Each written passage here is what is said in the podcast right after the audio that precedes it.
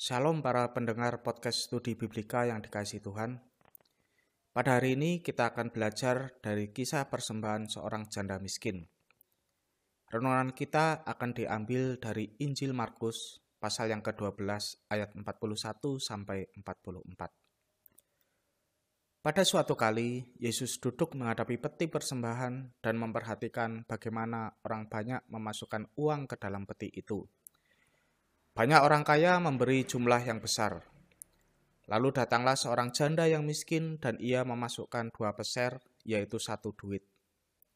Maka dipanggilnya murid-muridnya dan berkata kepada mereka, Aku berkata kepadamu, sesungguhnya janda miskin ini memberi lebih banyak daripada semua orang yang memasukkan uang ke dalam peti persembahan. Sebab mereka semua memberi dari kelimpahannya, tetapi janda ini memberi dari kekurangannya semua yang ada padanya, yaitu seluruh nafkahnya. Beberapa tahun belakangan ini, lagu hidup ini adalah kesempatan banyak digemari oleh orang Kristen. Setiap kali saya merenungkan liriknya, memang lagu ini bisa membangkitkan semangat untuk mempersembahkan diri bagi Tuhan. Namun demikian, masih banyak di antara kita yang belum memahami bagaimana memberikan persembahan dengan benar. Misalnya, masih banyak orang Kristen yang bertanya, apakah persepuluhan diambil dari gaji kotor atau gaji bersih? Pertanyaan-pertanyaan semacam ini mungkin juga pernah ada di dalam benak kita. Maka dari itu, mari kita belajar tiga hal penting dari kisah persembahan seorang janda miskin ini. Pertama, Tuhan tidak menuntut dari apa yang tidak kita punyai.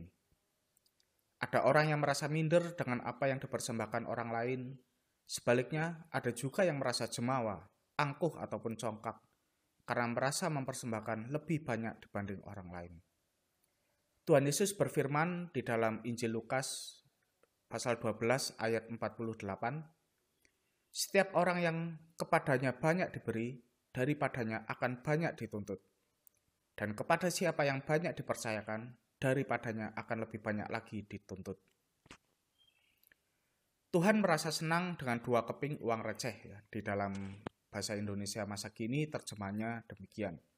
Yang dipersembahkan oleh janda miskin itu karena memang hanya itulah yang dia miliki. Tetapi Tuhan pasti sangat kecewa kepada orang-orang yang hanya rela mempersembahkan dalam tanda kutip uang receh padahal mereka telah diberi berkat yang jauh lebih melimpah.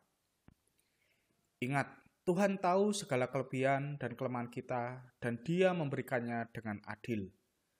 Justru di situlah letak kekuatan kita jika bersatu dalam gereja.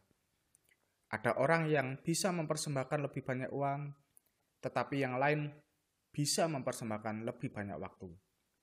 Ada orang yang bisa membuat suasana ceria, tetapi yang lain bisa meneduhkan gejolak. Tidak ada jenis persembahan yang nilainya lebih tinggi karena sama-sama berasal dari pemberian Tuhan. Jadi, kalau saya memaparkan tentang persembahan di sini, maka itu tidak hanya berarti persembahan dalam bentuk uang. Semuanya penting karena pekerjaan Tuhan itu sangat kompleks, sehingga tidak mungkin bisa dikerjakan hanya oleh satu macam orang. Maka dari itu, mari periksa diri kita. Masih adakah hal yang bisa kita persembahkan kepada Tuhan? Yang kedua, Persembahan berbanding lurus dengan pemahaman kita terhadap anugerah Tuhan. Pertanyaan-pertanyaan seperti yang dilontarkan di awal renungan ini mencerminkan ketidakpahaman akan anugerah Tuhan. Tuhan Yesus telah mengorbankan nyawanya bagi kita dan terus memberikan berkat-berkatnya di dalam kehidupan kita. Dan semakin memahami itu semua, maka kita akan semakin terdorong untuk mempersembahkan lebih lagi kepada Tuhan. Perasaan bersyukur seperti inilah yang membuat janda itu rela mempersembahkan seluruh miliknya, padahal dia begitu miskin. Yang ketiga, jagalah sikap hati kita dalam mempersembahkan, memberikan persembahan. Kita bisa mengelabui orang ataupun membenarkan diri, tetapi Tuhan tahu segalanya.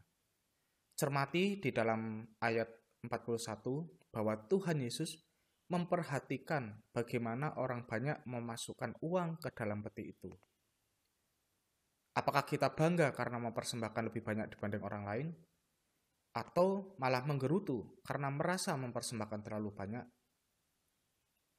Bahkan persembahan dijadikan sebagai sarana aktualisasi diri dan bukannya memuliakan Tuhan? Jauhilah itu semua karena akan menjadikan persembahan kita sia-sia. Amin. Ada beberapa pertanyaan yang dapat kita renungkan untuk memperdalam dan juga mengaplikasikan renungan ini. Pertanyaan pertama, berkaca dari apa yang dilakukan oleh janda ini, apakah jika demikian kita harus memberikan 100% gaji kita kepada kepada gereja?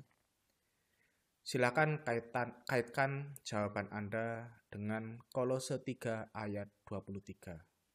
Silakan dibuka. Kolose 3 ayat 23. Pertanyaan kedua, bagaimana tanggapan Anda dengan orang yang berkata, tidak apa tidak apa-apa mempersembahkan sedikit, asalkan rela? Yang ketiga, apakah ada milik kita yang belum kita persembahkan kepada Tuhan dengan maksimal? Mintalah hikmat dan kekuatan Roh Kudus untuk mempersembahkannya kepada Tuhan. Sekian renungan kita pada hari ini. Tuhan memberkati.